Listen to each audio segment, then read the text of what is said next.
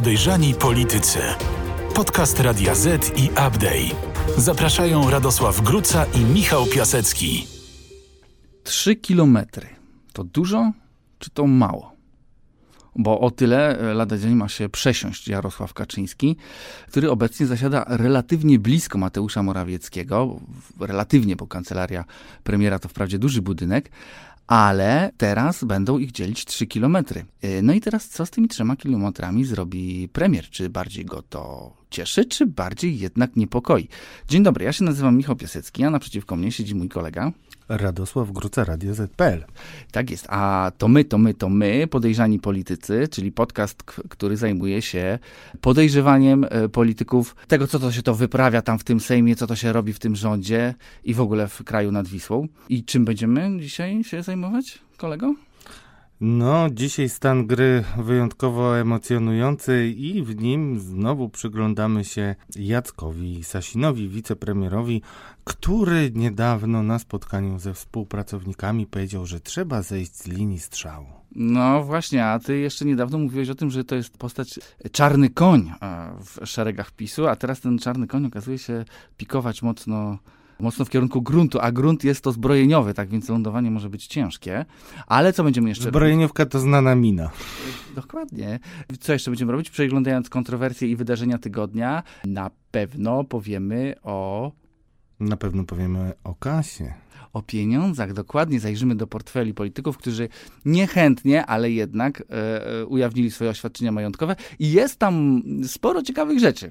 Sporo ciekawych rzeczy, nie tylko wynikających z tego, o czym trzeba konsekwentnie ludziom powtarzać, że władza nasza latem sobie podniosła znacząco pensję. I to widać też w oświadczeniach majątkowych, ale ciekawe jest też to, w jaki sposób można pewne rzeczy zahachmęcić. A w przeglądzie kadr poprzyglądamy się trochę arcyciekawej postaci, choć jednocześnie arcyniepozornej, czyli Mariuszowi Błaszczakowi, szefowi MON. Zobaczymy, kto stoi za panem Mariuszem, a za kim stoi e, z kolei pan Mariusz, a za kim może nie stoi. Ale najpierw rząd bez Jarosława Kaczyńskiego. Kiedy, dlaczego, po co i przede wszystkim jak żyć dalej. Kontrowersja tygodnia. Long story short, jak mawiali starożytni, 4 czerwca ma się odbyć wielka konwencja PiS. Ale zakulisowo jej wielkość ma polegać przede wszystkim na tym, że wicepremier Jarosław Kaczyński przestanie być wicepremierem, odejdzie z rządu i wróci do swojego matecznika, czyli do gabinetu przy Nowogrodzkiej 84 przez 86, jeśli dobrze pamiętam. Geograficznie to raptem 3 kilometry, Dalej, 12 minut jazdy rowerem, jak sprawdzaliśmy, chociaż redaktor Gruca twierdzi, że on taki dystans pokonuje w 5 minut. Ale politycznie, mm, no to jak wiele osób może zmieścić się pomiędzy premierem Mateuszem Morawieckim a prezesem Jarosławem Kaczyńskim na odległości 3 km? I to jest pytanie do kolegi Radosława Grucy. Pytanie za trzy punkty. Jak wiele osób? No tak, jak wiele osób może się zmieścić tutaj, wepchnąć się w relacje pomiędzy prezesem. A, nie, no to jest... kolega nie zrozumiał pytania. Nie, no to jest absolutnie fundamentalne pytanie, ale to może zacznijmy od tego, y, co mówi prezes, bo to jest dość ważne, bo może to w ogóle wpływać na losy świata, mi się wydaje, bo ja pamiętam, A propos losów świata, no właśnie, to prezes, chyba że to właśnie chciałeś powiedzieć, że prezes y, już raz miał przestać być wicepremierem. No właśnie, ja, ja pamiętam, jaka była oficjalna y, wypowiedź prezesa, dlaczego nie odszedł, mimo że chciał y, już na początku roku y, i bohatersko został, no bo okoliczności go zmusiły do tego. Bo jest Rosja, bo jest wojna, bo jest niebezpieczna sytuacja. No i, i co? I już teraz No właśnie, premier to, od wicebezpieczeństwa nie jest potrzebny? no właśnie dlatego mówię, że prezes może wpływać na losy świata i może mieć najlepsze informacje, że skoro jakby wojna go powstrzymała, to może on wie, kiedy wojna się skończy. No właśnie, pytanie jaka wojna? Bo mam wrażenie, że ta jedna, to się, której prezesowi, na której prezesowi bardzo zależało, to się właśnie skończyła. I to nie jest wcale ta ukraińska. No tak, nie chcę trywializować wojny, bo to jest e, zupełnie nie, nietrywialna historia i wielki To dramat. jest pasmo publicystyczne, możemy użyć takiego skrótu. Się Tak, oczywiście. Natomiast dla prezesa nie mniej istotną wojną jest wojna wewnętrzna. Tak jak e, największy wróg to wróg wewnętrzny, tak się mówi w polityce, to tak samo jest, jeśli chodzi o powody w ogóle, dla których powstała ta, przyznasz, dość już my się przyzwyczajamy do takich dziwności w Polsce, że nie zwracamy na to uwagę, ale to jest jednak dość dziwna koncepcja, żeby e, wicepremier był najważniejszą osobą w Polsce, a premier mógł ledwie pomarzyć sobie o takiej władzy.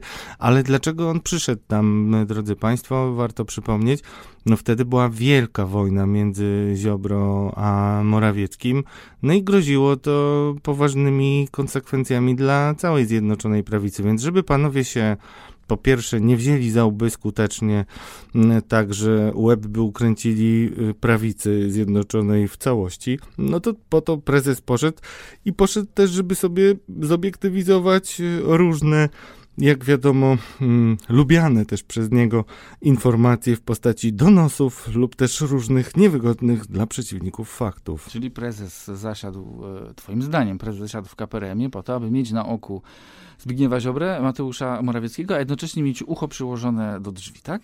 Odróżnijmy opinię od faktów. Y, to nie jest moja opinia, to jest po prostu fakt. I wiadomo, że wystąpienia prezesa na Radzie Ministrów były ostateczne i zupełnie nie było dyskusji. No, prezes, prezes, prezes chyba nie ma innego modelu wypowiadania się. No, no, chyba nie, no ale jesteś drobiazgowy. Jednak cały czas przypominam, że to jest wicepremier. My żyjemy w nienormalnym kraju, więc chociaż się przynajmniej tutaj nie urządzajmy. No dobrze, okej. Okay. Wiemy, dlaczego Jarosław Kaczyński przeniósł się do KPRM-u. Później miał wicepremierem przestać być, natomiast, tak jak wspomniałeś, wybuchła wojna i Jarosław Kaczyński stwierdził, że jednak to stanowisko wicepremiera do spraw bezpieczeństwa jest teraz kluczowe, on musi na nim pozostać. No ale ta wojna trwa dalej. A y, z tego, co mówisz, z tego, co pisałeś ostatnio w Radiu ZPL, no to już walizki są spakowane. Tutaj, jeśli chodzi o naszego newsa, to pokazaliśmy konkretną datę i też y, starałem się wyjaśnić w moim tekście, e, przynajmniej zasygnalizować, jaka to jest różnica. Różnica jest fundamentalna i nie chodzi nawet o to, że premier mm, e, jest w takiej, no, dla mnie dość dziwnej sytuacji, że potrzebuje mieć oparcie, zresztą oparcie takie na, najpoważniejsze w postaci Jarosława Kaczyńskiego po drugiej stronie korytarza, bo to tak mniej więcej taka, taki dystans ich e, dzielił. Nie wiem, czy to jest, no myślę, że więcej niż 100 metrów nie ma. No i to chodzi o technikę, bo wojna w koalicji się skończyła, ale skończyła się też dzięki czemu będziemy mówili o oświadczeniach majątkowych. Z nich wynika na przykład, że poseł Kołakowski, mm, który odszedł y, na moment y, z PiSu, no dostał bardzo konkretne apanarze, które miały y, go przywrócić na łono Zjednoczonej Prawicy, bo przypomnę, że on przyszedł do Republikanów, żeby tak trochę wyjść z twarzą, no i z jego oświadczenia majątkowego wynika, że zarobił bagatela, bo przestał być posłem zawodowym na moment pewnie jakiś mm, i zarobił w banku, gdzie nominację oczywiście otrzymał od partii 180 niecałe tysięcy. No to przyznasz, że niezła kwota.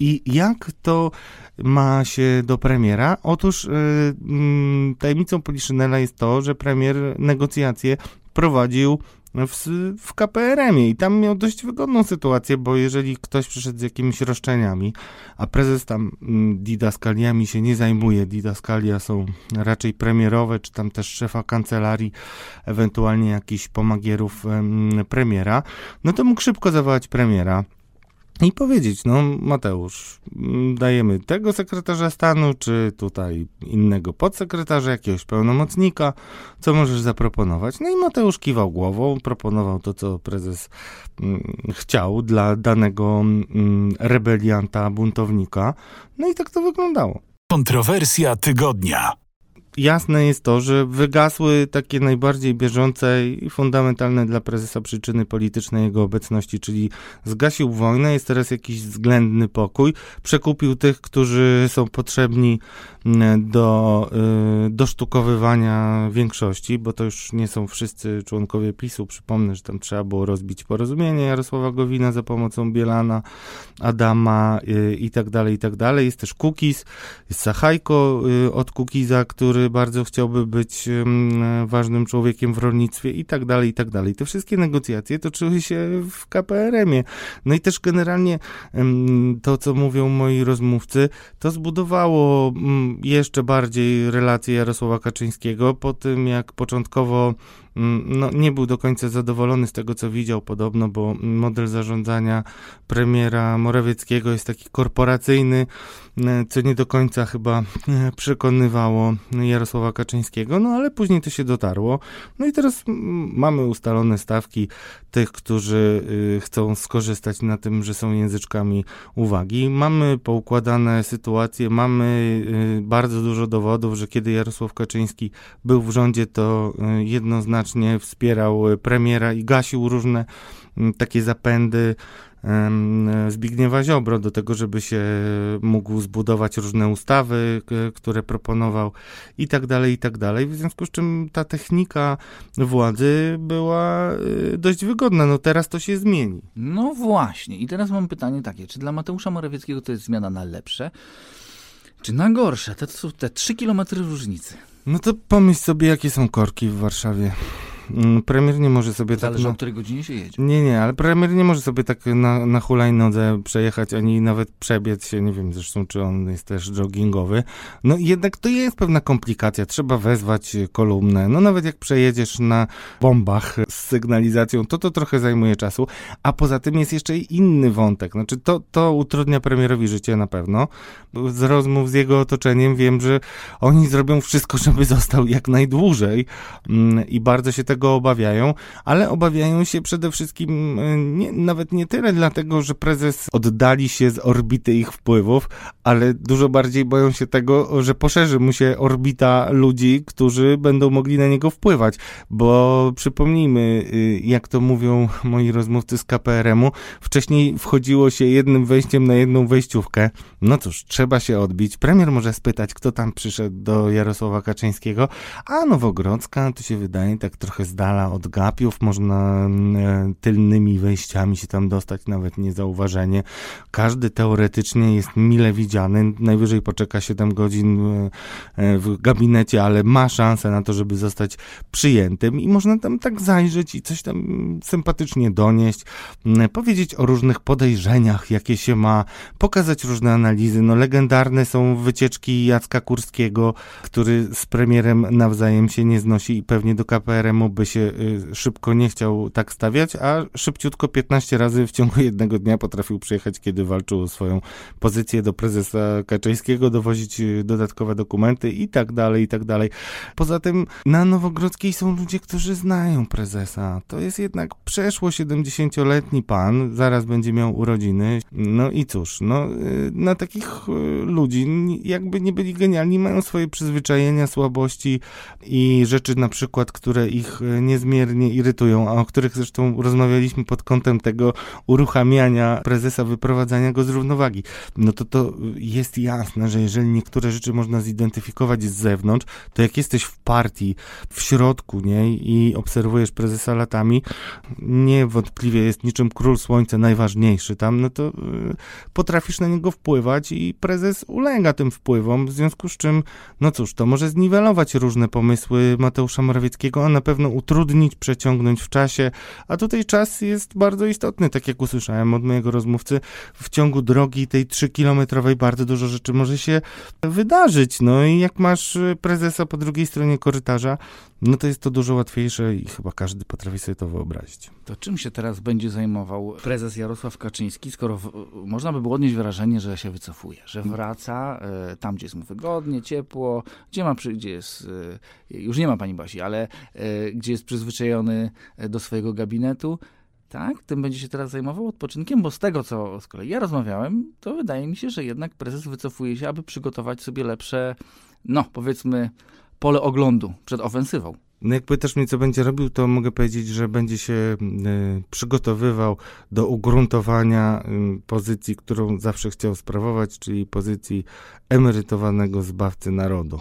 E, no to teraz ty jesteś złośliwy. No Nie, ja cytuję prezesa, on tak samo sobie powiedział, y, więc myślę, że do tej, do tej roli się szykuje. Wiadomo było zawsze, że dla niego najważniejsza jest partia, a nie wiadomo być może państwu, że rzeczywiście praca w charakterze ministra, czy też mm, sekretarza, podsekretarza stanu, to jest praca mocno angażująca i to też wyczerpująca fizycznie. No, rozmawiałem z jednym z ministrów, który objął dość niedawno swoją funkcję, to muszę powiedzieć, że szybko przybyło mu zmarszczek na twarzy i wory pod oczami mu szybciutko wyrosły.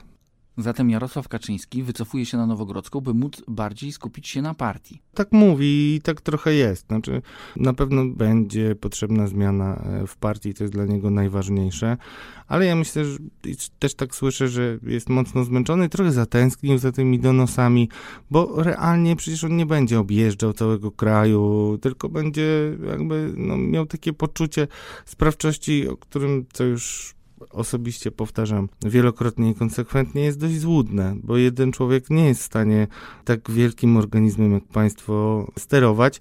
Być może lepiej się czuje sterując y, partią rządzącą, bo tutaj rzeczywiście ma dużo większy realny wpływ. Prezes ma też ten komfort, że może wycofać się y, na pozycję na Nowogrodzkiej, ponieważ, y, no, jakby to złośliwie powiedzieć, zaglądając w jego oświadczenie majątkowe, swoje już zarobił. E, prezes ma bardzo wysoką emeryturę, bo to jest w zeszłym roku zarobił 90 tysięcy złotych e, na emeryturze. Przepraszam, że tak e, zaglądam w kieszeń, ale są to dokumenty powszechnie dostępne. No my podejrzewamy, musimy podejrzewać, wystarczy zajrzeć na stronę, ale zachęcamy do tego. Natomiast jako wicepremier zarobił 208 tysięcy złotych, łącznie za zeszły rok 253 tysiące złotych. Jego oszczędności urosły o 100 tysięcy złotych. Oczywiście to nie jest człowiek, który w tym momencie skupia się bardzo na pieniądzach, natomiast dają mu one pewien komfort.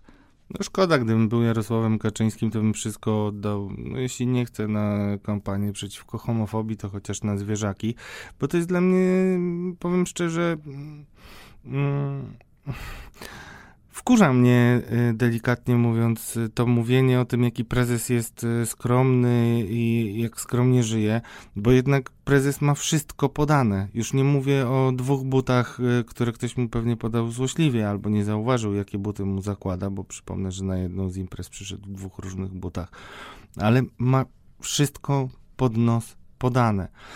Zaskoczyło mnie y, to, co kiedyś usłyszałem, że podobno rozmawiał z kimś przez telefon i słychać było, jak myje naczynia. To mnie zaskoczyło trochę, że prezes może myć naczynia, a, a tak dokładnie słyszałem taką historię i to jeszcze byli świadkowie. Ale, mówiąc wiesz, to wprost. Może, to może być też tak, że on zmywa te naczynia, bo po prostu nie znosi, żeby ktoś inny je zmywał, bo je pozmywa źle. Moja mama tak ma. Pozdrawiam serdecznie. No, to, a być może bo, boi się, że ktoś go chce u, u, otruć na przykład. To jest też możliwe, bo paranoje różne u dyktatorów niestety występują dość powszechnie, ale mówiąc zupełnie poważnie, zobacz, ma y, transport zawsze gotowy, ma ochroniarzy, y, którzy dbają o jego komfort, dowożą jedzenie i pogadają z nim czasami jak siedzi i gada z telewizorem. Y, ma, y, no ma wszystko. Co tutaj mówić? Jemu pieniądze nie są potrzebne w ogóle do życia. Ale nie ma ale nie ma i zarabia i też korzysta na tym, co jest, y, trzeba to koniecznie przypominać. No, jednym z bardzo wiele mówiących o, tym o tej władzy obrazie, czyli mamy mm, parę lat wcześniej Jarosław Kaczyński pod wpływem afery, którą rozpętał Krzysztof Brejza, wyciągając dowody na to, że mm, ministrowie sobie wypłacają tak realnie drugą pensję jako premię, to wtedy wychodzi prezes i mówi Vox Populi, Vox Dei, trzeba obniżyć y, apanarze y, y, wszystkim. No i obniża ciach, no i co? I potem mijają lata i teraz nie tylko jakby wracamy do stanu, ale przebijamy to i posłowie, to widać w oświadczeniach majątkowych. Tak, mam nadzieję, że któryś z fact-checkingowych portali, czy to Okopres czy konkret TVN24 wyliczy, mm, o ile więcej zarabiają posłowie, bo są to realne kwoty i realnie się wzbogacili w ciągu y, tego ostatniego czasu. No, no podajesz kwoty rosnących oszczędności E, ale y, prezesa, ale no to widać w każdym właściwie oświadczeniu, a było to tylko i wyłącznie spowodowane tym, że partia mu się rozchodziła, że posłowie narzekali na to, że ministrowie mają więcej, no to się zrównało z y, pensją podsekretarzy stanu mnożnikiem i już dzisiaj nie ma y, żadnego mruczenia.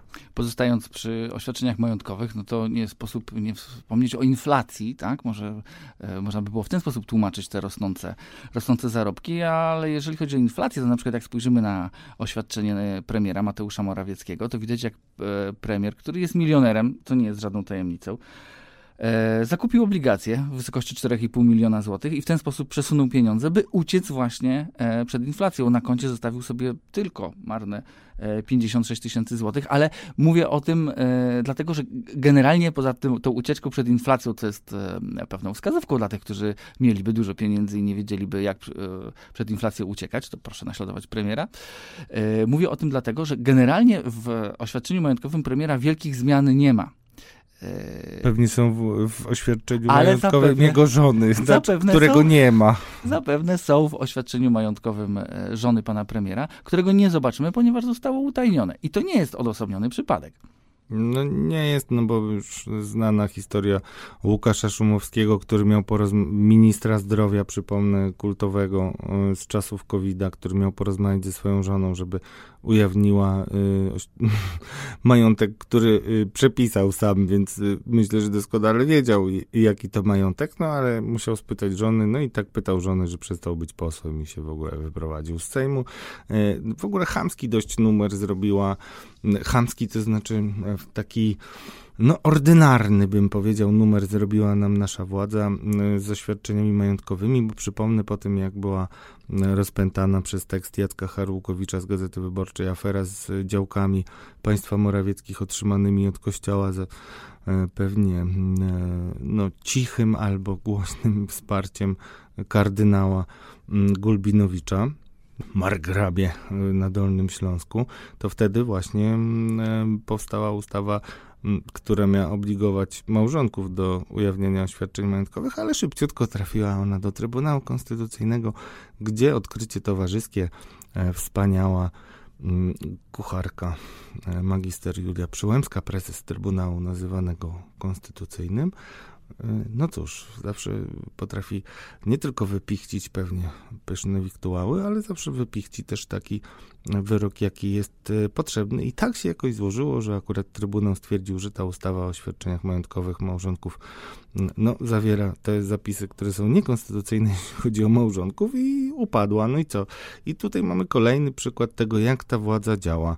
E, Poprzednia władza zawsze powoływała zespoły, komisje i one pracowały, pracowały, często o nich zapominano. Ta władza ma swój repertuar środków, oczywiście bazując też na poprzednikach, bo tutaj też mamy często tego typu działania, ale tutaj e, w tym przypadku jest szybka, błyskawiczna ustawa, którą w moim przekonaniu uchwala się w złej wierze, bo y, mm, jednak ujawnienie oświadczeń majątkowych y, małżonków jest y, ewidentnie problemem y, dla polityków PiSu. Bo gdyby nie było problemu, to przecież mogliby to zrobić, a tutaj okazuje się, że mogłoby to wzburzyć jakoś opinię publiczną i prezes rzeczy takich, które mogą mu zaszkodzić, y, stara się unikać i tutaj kupił sobie czas, a teraz tak naprawdę mamy taką sytuację, że partia, która walczy z imposybilizmem, jakoś nie jest w stanie sobie poradzić z tym, żeby e, pokazać, że naprawdę chce być transparentna i uchwalić takie przepisy, albo zobligować swoich polityków do tego, żeby zobligowali swoich małżonków, albo po, po prostu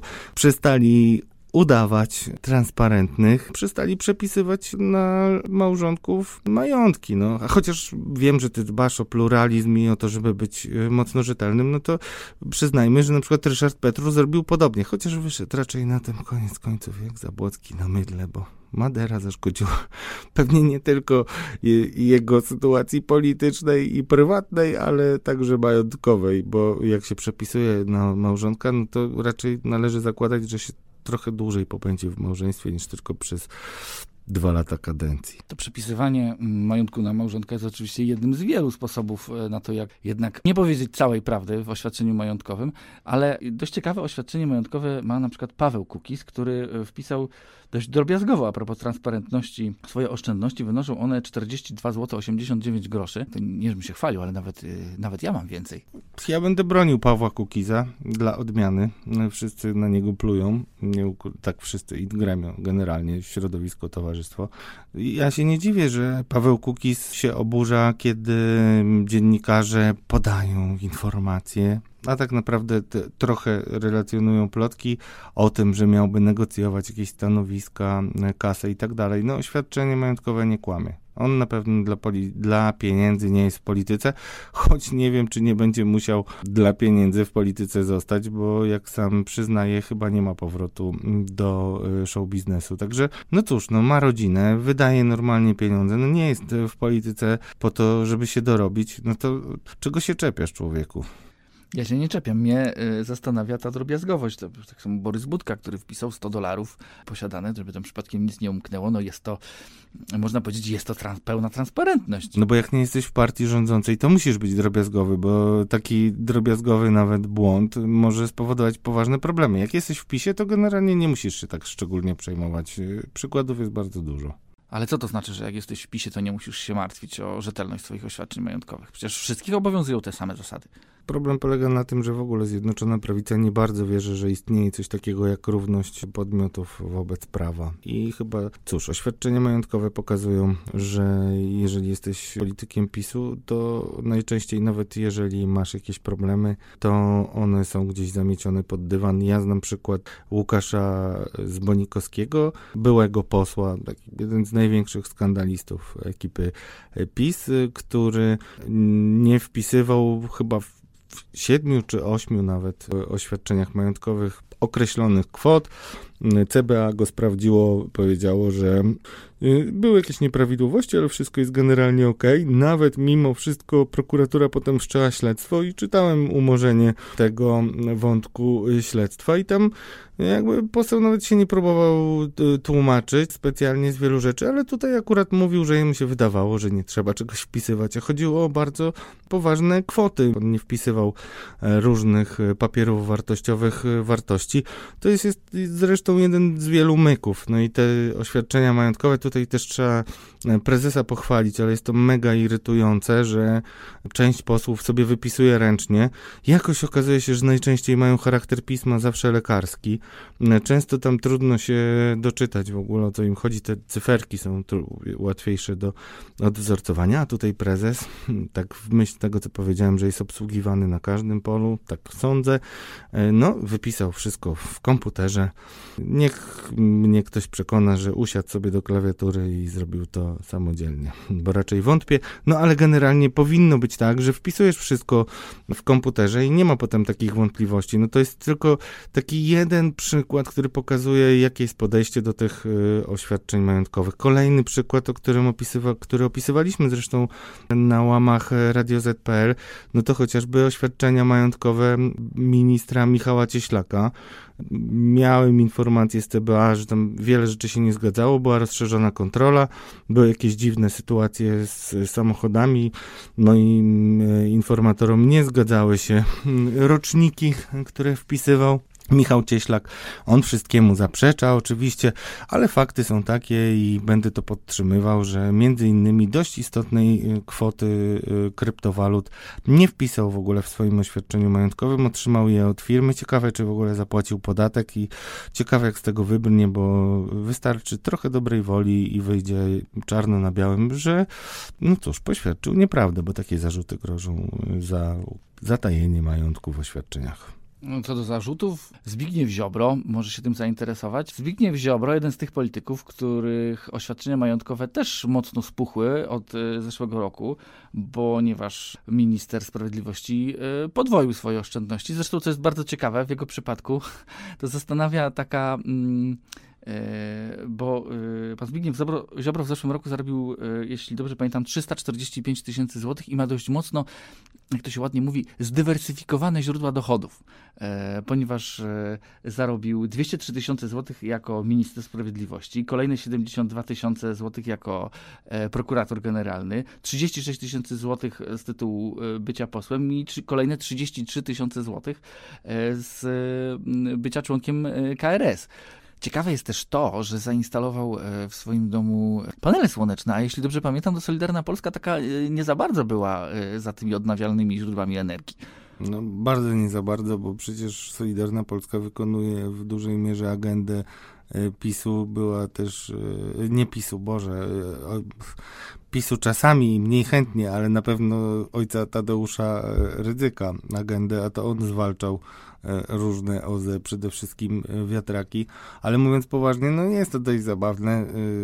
Cała Solidarna Polska walczy o węgiel, E, totalnie, no a jakoś, e, no cóż, no a może dają dobry przykład, albo może po prostu Zbigniew Ziobro liczy, że dla Solidarnej Polski jeszcze wyjdzie słońce. E, no, może wyjdzie w piątek, chociaż w piątek to chyba niekoniecznie, wraz z przyjazdem Ursuli von der Leyen na razie wyjdźmy z tego portfela Zbigniewa Ziobro, ale przy nim samym zostańmy, ponieważ ma przyjechać szefowa Komisji Europejskiej i jak rozumiem w narracji, e, tak to wybrzmiewa, z którą się spotykam, przyjedzie ogłosić, że pieniądze z KPO dla Polski popłyną szerokim strumieniem. Tak będzie? No to jest oczywiste, że czy tak będzie, czy tak nie będzie, to wpłynie to bardzo na stan gry politycznej, więc może warto to jest właśnie przeanalizować pod tym kątem. Stan gry. Stan gry, w którym śledzimy notowania polityków za miniony tydzień, oceniamy, komu poszło dobrze, komu poszło źle, czyje notowania rosną, czyje spadają.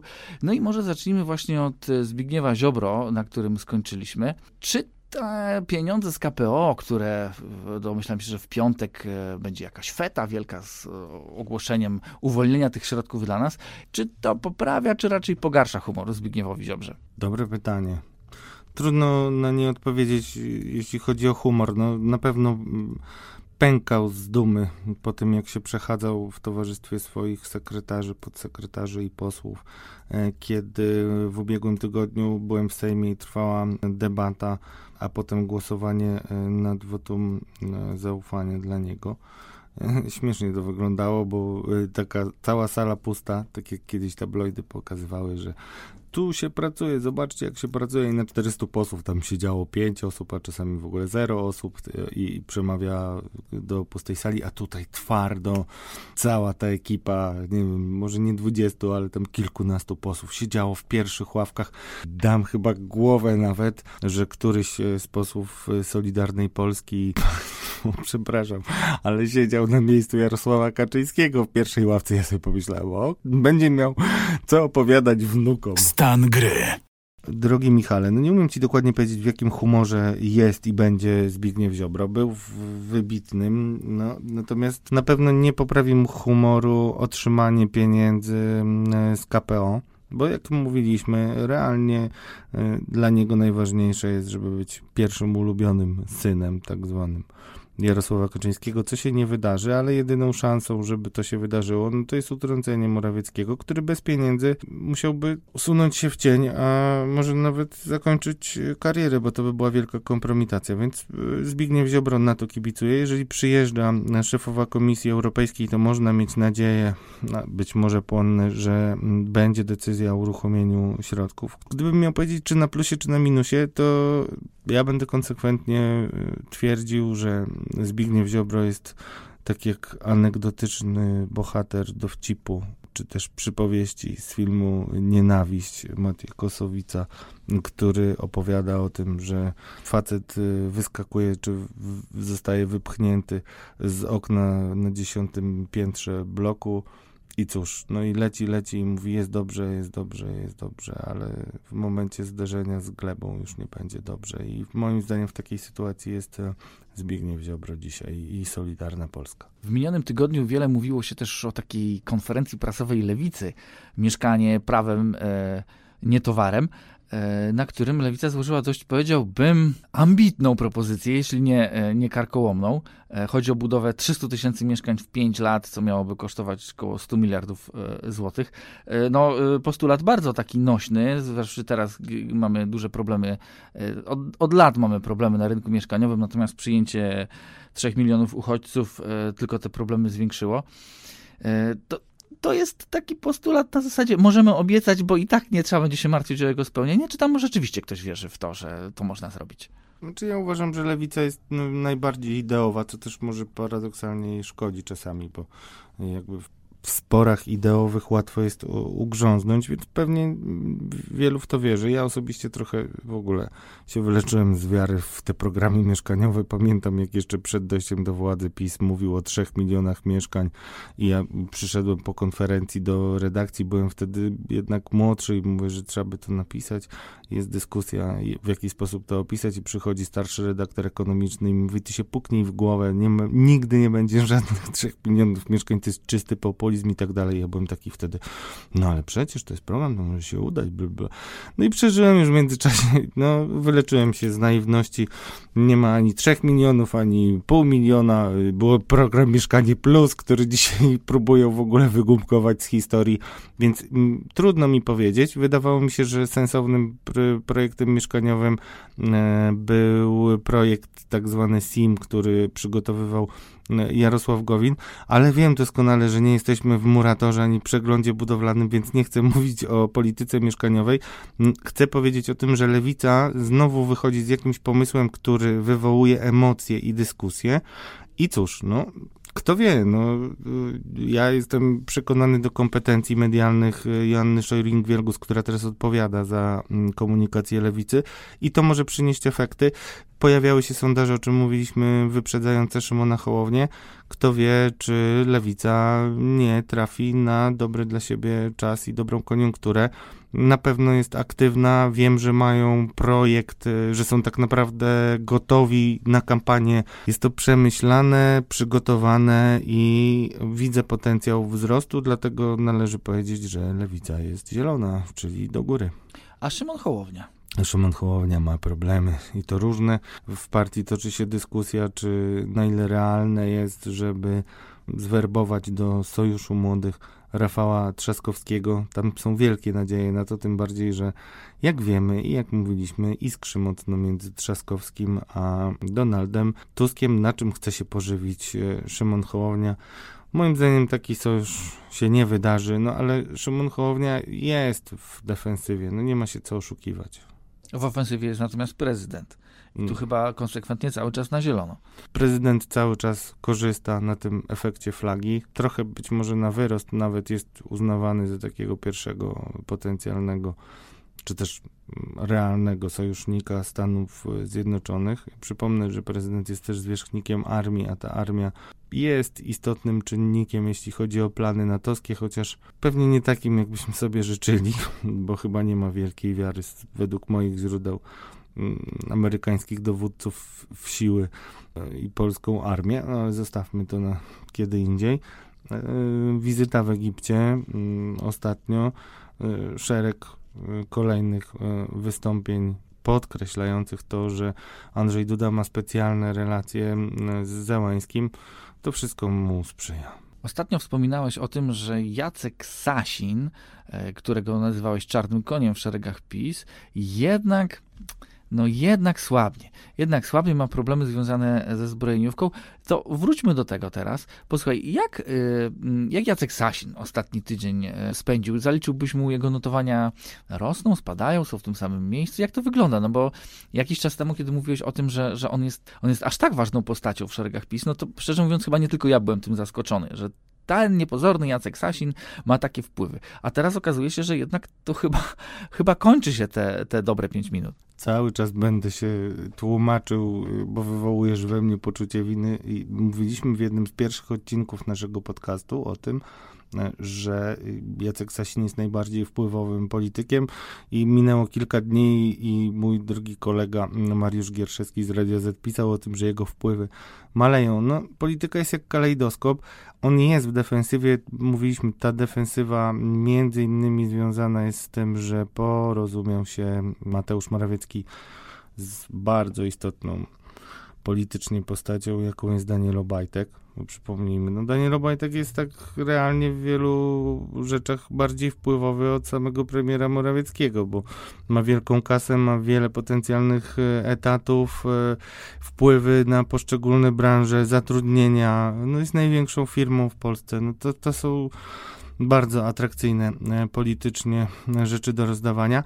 No i Jacek Sasin podobno zrobił takie spotkanie ze swoimi współpracownikami i, i mówił im, że unikajmy teraz kontrowersji, oni się bardzo pilnują. Na pewno Jacek Sasin y, może mieć spore problemy, nie wiem na ile zawinione, ale problemy ze zbrojeniówką, o czym, co już sygnalizowałem w ubiegłym tygodniu. No, dużo się mówi o tym, że prezes z racji na to, że zajmował się bezpieczeństwem, to musiał między innymi no, pisać tę ustawę, która ma pokazać, że walczymy czy wzmacniamy polską obronność, no to częścią polskiej obronności jest przemysł zbrojeniowy, bo też zresztą była, było takie założenie, od którego się po cichu odchodzi, żeby polska zbrojeniówka dostarczała polską broń polskiemu wojsku. No, wyszło jak wyszło, dopiero co mieliśmy informację o wizycie Mariusza Błaszczaka w Korei, gdzie, y, cóż, pojechał na zakupy. Dobrze, ale wróćmy do Jacka Sasina. Jacek Sasin jest jako Ministerstwo Aktywów Państwowych odpowiedzialny za nadzór nad zbrojeniówką, szczególnie nad y, PGZ-em, czyli Polska Grupa Zbrojeniowa.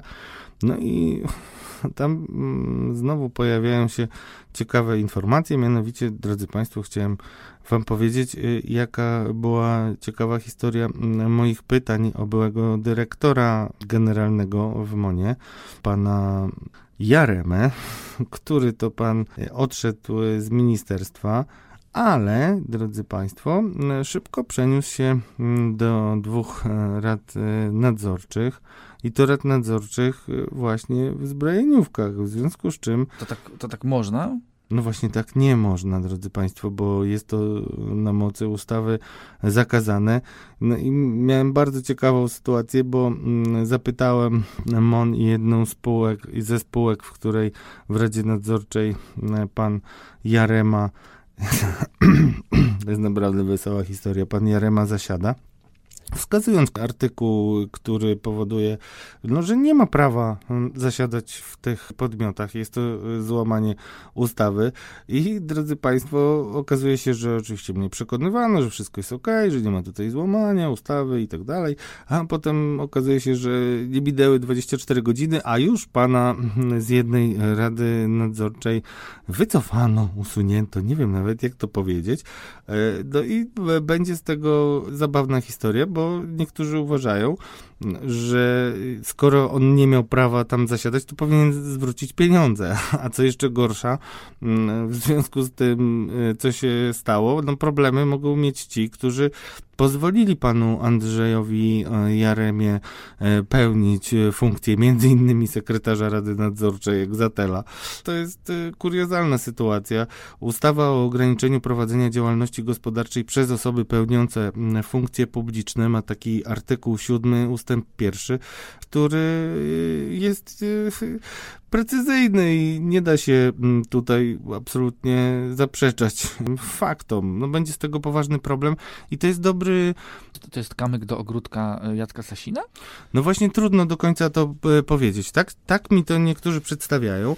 Natomiast faktem jest, i to jest największy problem zbrojeniówkowo-kadrowy i w ogóle taki pisowski, e, czyli karuzela stanowisk. No jeżeli mamy siedmiu, czy, siódmego czy ósmego prezesa w polskiej grupie zbrojeniowej na przestrzeni lat, no to fajnie, że oni sobie zarobili kasę, wzięli być może odprawy takie czy inne, ale no nie ma kontynuacji. Poza tym bardzo często ci ludzie, którzy mm, zostają e, prezesami, e, no nie mają specjalnie kompetencji, nawet czasami się do tego otwarcie przyznają, że nie znają się na zbrojeniówce, ale znają się na zarządzaniu na przykład. Sytuacja w zbrojeniówce pokazuje bardzo dobrze rywalizację i też myślenie Jarosława Kaczyńskiego, bo najpierw e, zbrojeniówka była pod Monem, potem niedawno ją stosunkowo przeniesiono e, pod e, Ministerstwo Aktywów Państwowych jako nadzór, potem jeszcze się mówiło, że wprawdzie nadzór ma Ministerstwo Aktywów Państwowych, ale nominatów może wskazywać Mariusz Błaszczak, bo tam byli ludzie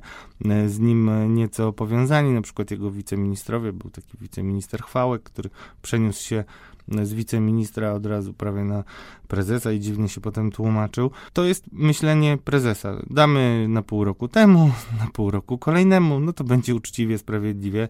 Dla mnie to jest jakaś kompletna aberracja i no nie mam żadnych wątpliwości, że nic dobrego z tego nie wyniknie i w związku z tym zbrojeniówka jest w kiepskim stanie, wbrew temu, co się teraz pokazuje w dzienniku telewizyjnym nazywanym dla niepoznaki wiadomościami. No tam się chwalimy polską bronią, rzeczywiście na przykład karabitki grot się nieźle sprawdzają, czy też pioruny, które są produkowane, no ale to jest jednak zaciemnianie sytuacji, jeśli chodzi o polską zbrojeniówkę. I polska zbrojeniówka, jeśli wyjdą różne wątki, szczególnie finansowe, chociaż te personalne najbardziej chyba bulwersują opinię publiczną, która siłą rzeczy nie zna się na militariach, natomiast politycznie to może ciążyć i może to być wykorzystane przeciwko Mariuszowi Błaszczakowi albo przeciwko Jackowi Sasinowi. Dzisiaj jest to podawane jako mina na Sasina, no ale człowiek, e, który na tym korzystał, Andrzej Jarema, no, jest człowiekiem jednak Mariusza Błaszczaka, był jego dyrektorem generalnym. No więc na dwoje babka wróżyła. Ja to bym tak po Salomonowemu dołożył jednemu i drugiemu, bo trudno e, policzyć dokładnie winę po poszczególnych stronach, ale wspólna jest na pewno. No to jak daliśmy jednemu, to dajmy teraz drugiemu. Proponuję, zajmijmy się przeglądem kadr, gdzie porozmawiamy sobie właśnie o zbrojeniówce i Mariuszu Błaszczaku. Przegląd kadr. Gdy patrzę na Mariusza Błaszczaka, to czasem myślę sobie, że gdyby nie Mikołaj Cieślak, z ucha prezesa, to wiele osób, które... Czyli ten aktor fajny. Tak, tak, ten aktor, który gra Mariusza.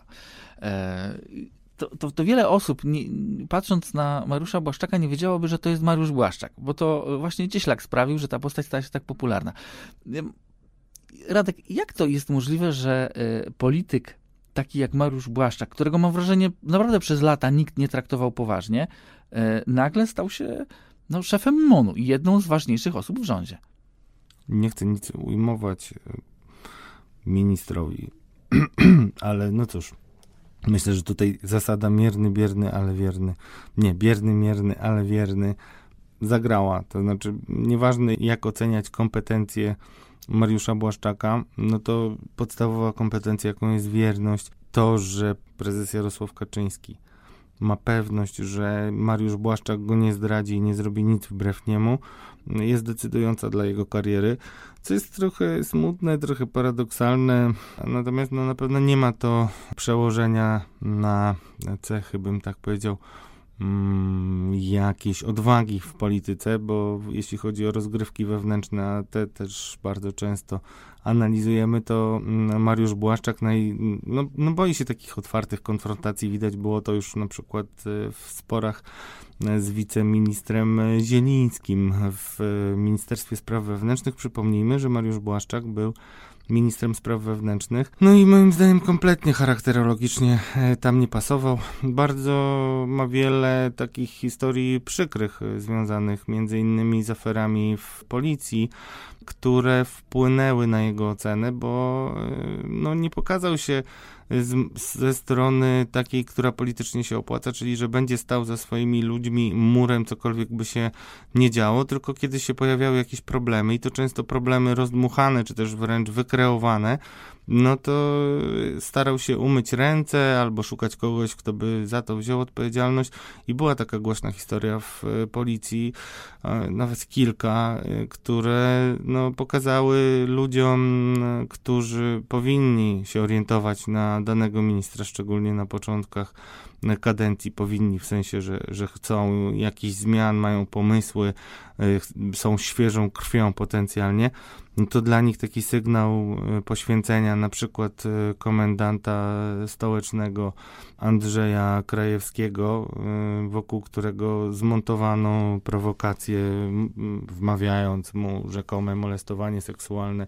Okazało się, opisywałem to w fakcie, więc znam tą historię i wiem, jak ona wpłynęła na morale policji. No jeżeli Mariusz Błaszczak miał pełną jasność, że to jest szyta prowokacja przez nieżyczliwych mu zresztą ludzi związanych z poprzednimi y, władzami policji, no to jaki to jest sygnał dla ludzi? Warto na takiego faceta stawiać? W Monie historie porzucania tych swoich nominatów może nie były tak spektakularne, ale no widać wyraźnie, że Mariusz Błaszczak ma przede wszystkim jednego poważnego sojusznika. Zgadnij którego? No właśnie, chciałem zapytać, czy to jest tak, że jedynym sojusznikiem e, Mariusza Błaszczaka jest e, jego przełożony, czyli Jarosław Kaczyński? Jak on jest postrzegany w, w gronie polityków PiS? To dość za, za, zabawne i też pokazujące różne paradoksy, jakie mamy w partii rządzącej. Jarosław Kaczyński wie, że Mariusz Błaszczak noża mu żadnego nie wbije i generalnie nie zrobi nic, co by było przeciwko niemu. Natomiast y, no, co do jego kompetencji, no można mieć różne y, wątpliwości. To nie chcę wchodzić, to są trochę nawet prywatne relacje, natomiast no, mówi się, że ma takie przeciętne zdanie o, o możliwościach politycznych, intelektualnych i tak dalej, jeśli chodzi o Mariusza. Zawsze najważniejsza jest pracowitość, no więc to, to, ta pracowitość nie musi być związana z kompetencjami, prawda? Więc y, pracowitość jest najważniejsza. Mówiąc wprost, Mariusz Błaszczak nie zbudował sobie swojej frakcji w PiSie, mimo że był istotną też e, postacią lokalnie. Jakoś nie wyszło mu to. Może, może zbyt porządnymi ludźmi się otaczał. Trudno mi powiedzieć. Wisi na tym prezesie trochę podobnie do Mateusza Morawieckiego. Co ciekawe, kiedy Mateusz Morawiecki naprawdę miał nóż na gardle, no to najczęściej pojawiały się informacje o tym, że takim naturalnym zmiennikiem może być Mariusz Błaszczak, ale paradoksalnie świadczy to raczej o jego słabości niż sile słabości Mariusza Błaszczaka. Słabości Mariusza Błaszczaka, dlatego że y, w momencie, kiedy mieliśmy starcie dwóch silnych osobowości w rządzie, bo to ten moment był Mateusz Morawiecki kontra Zbigniew Ziobro, trochę wspierany na początku przez Jarosława Gowina, wiadomo, że mniejsi koalicjanci musieli jakiś wspólny front y, trzymać, no to kiedy awantura i różne groźby wzajemne mm, no, przybrały na sile, były analizowane możliwości zmiany premiera. No i tutaj się śmieli koledzy z Mariusza, że on zawsze buławę ma w plecaku, ale nie wiadomo, czy prezes wyciągnie i poda mu plecaka do, do ręki. Ale dlaczego to jest e, takie paradoksalne? No, Mariusz Błaszczak byłby idealnym premierem dla tak zwanego ludu pisowskiego, dlatego że każdy myślał sobie, że z kim jak z kim, ale z Mariuszem to zawsze idzie się dogadać. Tylko to idzie się dogadać należy rozumieć w bardzo konkretnym mm, kontekście. To znaczy? No, po prostu da się przerobić Mariusza na swoją modłę, urobić i załatwić wszystko, co potrzebujemy, bo Mariusz, no to wiadomo, tak, nie chce konfrontacji i tak dalej, i tak dalej i szereg pewnie decyzji byłoby łatwiej przeforsować ludziom starym, zakonnikom i tak dalej. Czyli redaktor Gruca potwierdza moją tezę, że nie jest, e, nie był traktowany e, poważnie przez kolegów partii. No kurczę, to... Znaczy poważnie na tyle, na ile y, w momencie, kiedy odsuwa się, kiedy prezes nie patrzy. No wydaje mi się, że jednak nie. Może wielu ludzi podkreśla takie walory jego jak kultura osobista i że to robi dobre wrażenie, ale politycznie no, nie jest to zawodnik y, wagi ciężkiej i trochę w związku z tym też e, straszne jest, bo pomyśl sobie, jeżeli ludzie z PiSu, którzy no, kompetencje mają takie różne, bym powiedział, ale to nie jest taka partia super wykwalifikowanych e, mistrzów e, i specjalistów od wszystkiego, raczej ciężko pracujących polityków, tak, czyli kompetencje mniej ważne. Nie chcę generalizować, oczywiście na pewno sporo profesorów i tak dalej, no ale generalnie taki jest profil tej partii, że jest tam masę politykierów. No i te, jeżeli oni są w stanie wpływać i tak mieć taką perspektywę Mariusza Błaszczaka, to sobie wyobraź, jak na przykład wyglądają negocjacje y, zakupowe przy zbrojeniach, gdzie siedzą po drugiej stronie supertuzy, mistrzowie negocjacji, którzy y, no, y, no w ogóle Amerykanie są trochę takim narodem handlarzy. W związku z czym no nisko oceniam yy, szanse w ogóle w takich negocjacjach takiego polityka jak Mariusz Błaszczak, ale też jakby no nie ma specjalnie oparcia wśród tych ludzi, to są takie no-name'y, słabi politycznie i na przykład jak już miał w swoich kadrach mieć tak już mocno przypisanego sobie Marcina Ociepę, czyli to jest taki polityk, ostatni Brutus, który ostatni nóż wbił Jarosławowi Gowinowi, bo był ostatnim wiceprzewodniczącym porozumienia, który nie zdradził Gowina. No więc on miał przejść do Błaszczaka, no a jednak zaczął się mocno stawiać i no i Mariusz Błaszczak dzisiaj ma z niego więcej problemów niż e, korzyści, bo jako minister jest jego zwierzchnikiem, a jednak Marcin Ociepa, mimo że ma ledwie kilku posłów e, w swoim stowarzyszeniu, to też takie dziwne.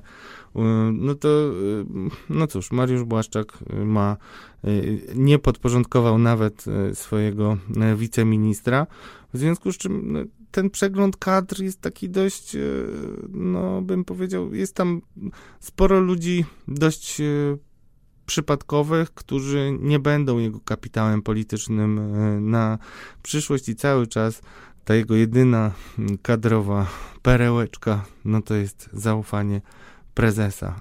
Inni ludzie. No ale jest to perła w koronie, bo jednak mimo, mimo wszystko szef MSWiA szef MONU. No, y, jakbym był złośliwy, to bym powiedział strach y, pomyśleć, czego szefem w następnej kolejności będzie Mariusz Błaszczak. No miał być wicepremierem. Na pewno y, no, należy mu się szacunek za jedną rzecz i to w sumie to jest taki wyjątek potwierdzający reguły, wskazujące na to, że nie jest politykiem mm, bardzo silnym. To jest żelazna miotła, z którą przyszedł do MONU, bo on tam wymiatał tych ludzi, wyskrobywał Antoniego Macierewicza z różnych zakamarków. Ale to była jego inicjatywa, czy to było po prostu polecenie prezesa? Nie, no to, to pytanie nie trzyma poziomu. Eee, nie, no, znaczy, ale no zrobił to, tak? Zrobił to. Nie bał się, że mu ktoś krzywdę zrobił, no zrobił to, więc to mu należy y, na plus y, zapisać. Wymienił sobie tych wiceministrów, którzy mu zostali po mm, Macierewiczu, tylko też zabrał ludzi, których miał przy sobie y, w MSW. No to samo pokazuje pewne rzeczy. No jednak to nie jest to samo, sprawy wewnętrzne i obrona narodowa, a bierzesz sobie takich samych ludzi. Tam jest na przykład pani mm, Agnieszka Glapiak, dość istotną osobą, jeśli chodzi o media. I tutaj mówię to trochę niestety z przekąsem, no bo jeżeli komunikacja monowska wygląda tak, że czasami w ogóle odpowiedzi nie, nie dochodzą, no to, to też jest e, dość słabe. Natomiast na zewnątrz Mariusz Błaszczak dla y, różnych odpowiedników y, ludzi y, odpowiedzialnych za, za, gospodarkę w innych państwach, czy, też za obronność, no jest istotną postacią, no bo z nim będą przynajmniej siadali w negocjacjach, no to, to jego wagę buduje, jego wagę wzmacnia, no ale ciągle kadry, kadry, kadry. Wszyscy sobie po zabezpieczali jakiś harpaganów e, i pretorian, a Mariusz Błaszczak no, zawiódł tych, którzy na niego liczyli, ma wokół siebie garstkę. Oni może będą mu wdzięczni w ten czy w inny sposób, bo zawdzięczają mu poważne apanarze i tak dalej, i tak dalej. No ale na koniec dnia to te kadry są bardzo mizerne i na nikogo poza prezesem nie może realnie liczyć. No to na koniec dnia, żeby zamknąć e, kwestię Mariusza Błaszczaka, a jednocześnie cały nasz dzisiejszy program jedną klamrą, to w jaki sposób zmieni się teraz sytuacja Mariusza Błaszczaka w rządzie po tym, gdy mm, z KPRM-u te trzy kilometry na Nowogrodzką przeprowadzi się Jarosław Kaczyński? Jemu myślę, że akurat będzie e, trudniej paradoksalnie też, e, bo najbardziej płacze otoczenie mm, Morawieckiego, ale ma bardzo dużo rzeczy i bardzo dużo decyzji do podjęcia w związku z wojną. Mariusz Błaszczak, dużo nominacji na pewno, bo szykuje się kolejna zmiana mm, na stanowiskach prezesów w zbrojeniówce. No, no, i te wszystkie, no cóż, wiadomo jak wyglądają nominacje w PiSie.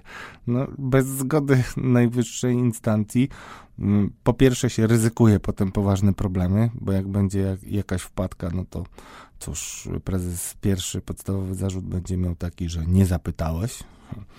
No, więc będzie musiał Mariusz Błaszczak jeździć na tą Nowogrodzką. Też miał bliżej, nawet z Monu y, na ulicy Klonowej, y, do, mm, do KPRM-u, chociaż nawet się przeniósł chyba. O, no właśnie, on będzie miał teraz bliżej nawet ze swojego resortu, bo on chyba teraz w Alejach Niepodległości, y, czy nie, przepraszam, chyba w, na Alei Jana Pawła II.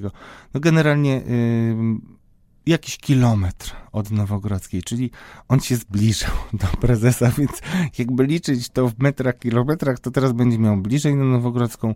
On jest mniej trochę jednak rozpoznawalny niż Mateusz Morawiecki, a może założy na przykład maseczkę i przejdzie niepostrzeżenie e, z siedziby e, MON e, niedaleko ulicy Nowowiejskiej na ulicę Nowogrodzką i cóż, no i, i sobie jakoś poradzi. Jego pozycja, mówię, zależy od...